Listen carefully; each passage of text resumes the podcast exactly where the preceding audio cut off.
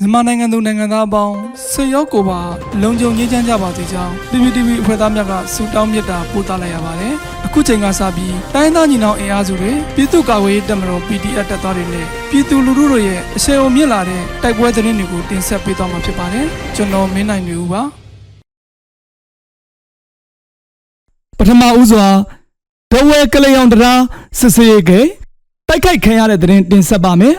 ။တနင်္လာရီတိုင်း ဒဝဲခရိုင်ကလေးအောင်မြို့တရားရှိစစ်ကောင်စီစစ်စေးဂိတ်အောက်တိုဘာလ14ရက်ယနေ့နေ့နဲ့တွင်ပြစ်ခတ်တိုက်ခိုက်ခံရပြီးစစ်သား9ဦးခန့်သေဆုံးကြောင်းဒေသသတင်းရင်းများထံမှသိရှိရပါတယ်။ကလေးအောင်တရားဟာရဲတဝဲကားလမ်းပေါ်တွင်တည်ရှိပြီးယနေ့နေ့နဲ့4နာရီခန့်၌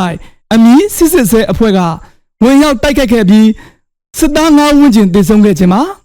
တိုက်ခိုက်ခံရပြီးနောက်စစ်သားအလောင်းများကိုလူနာတင်ကားများဖြင့်လာရောက်တင်ဆောင်သွားကြောင်းနှင့် ယနေ့နေ့နဲ့တွင်တရားပေါ်ဖြတ်တန်းသွားလာနေသူများကို အထူးစစ်ဆေးနေကြောင်းဒေသသတင်းရင်းမြစ်များထံမှသိရှိရပါသည်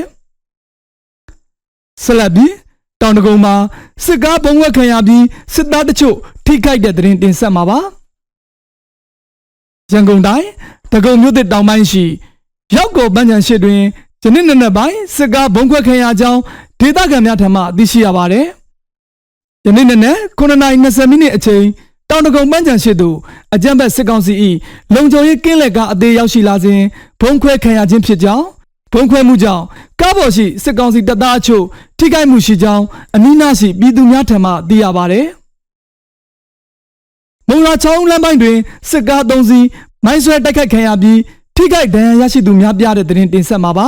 ။စကိုင်းတိုင်းမုံလာချောင်းလမ်းပိုင်းတွင်အကြမ်းဖက်စစ်ကား၃စီး မိုင်းဆွဲတိုက်ခိုက်ခံရပြီးအများအပြားထိခိုက်ဒဏ်ရာရရှိကြောင်း BHC အဖွဲ့မှတာဝန်ရှိသူတအုပ်ကပြောဆိုပါတယ်။မုံလာချောင်းလမ်းပိုင်းရှိမုံလာမှစစ်သားအင်အား80ဖြင့်ထွက်ခွာလာတဲ့စစ်ကား၃စီးကိုဗရိဟတ်အာမီ BHC အဖွဲ့ကအောက်တိုဘာလ23ရက်နနက်9နာရီခန့်တွင်ဗရေဒါမိုင်းလေးလုံးဖြင့်ဖောက်ခွဲတိုက်ခိုက်ခဲ့ပြီးဒုတိယမြောက်ကားကိုထီမန်က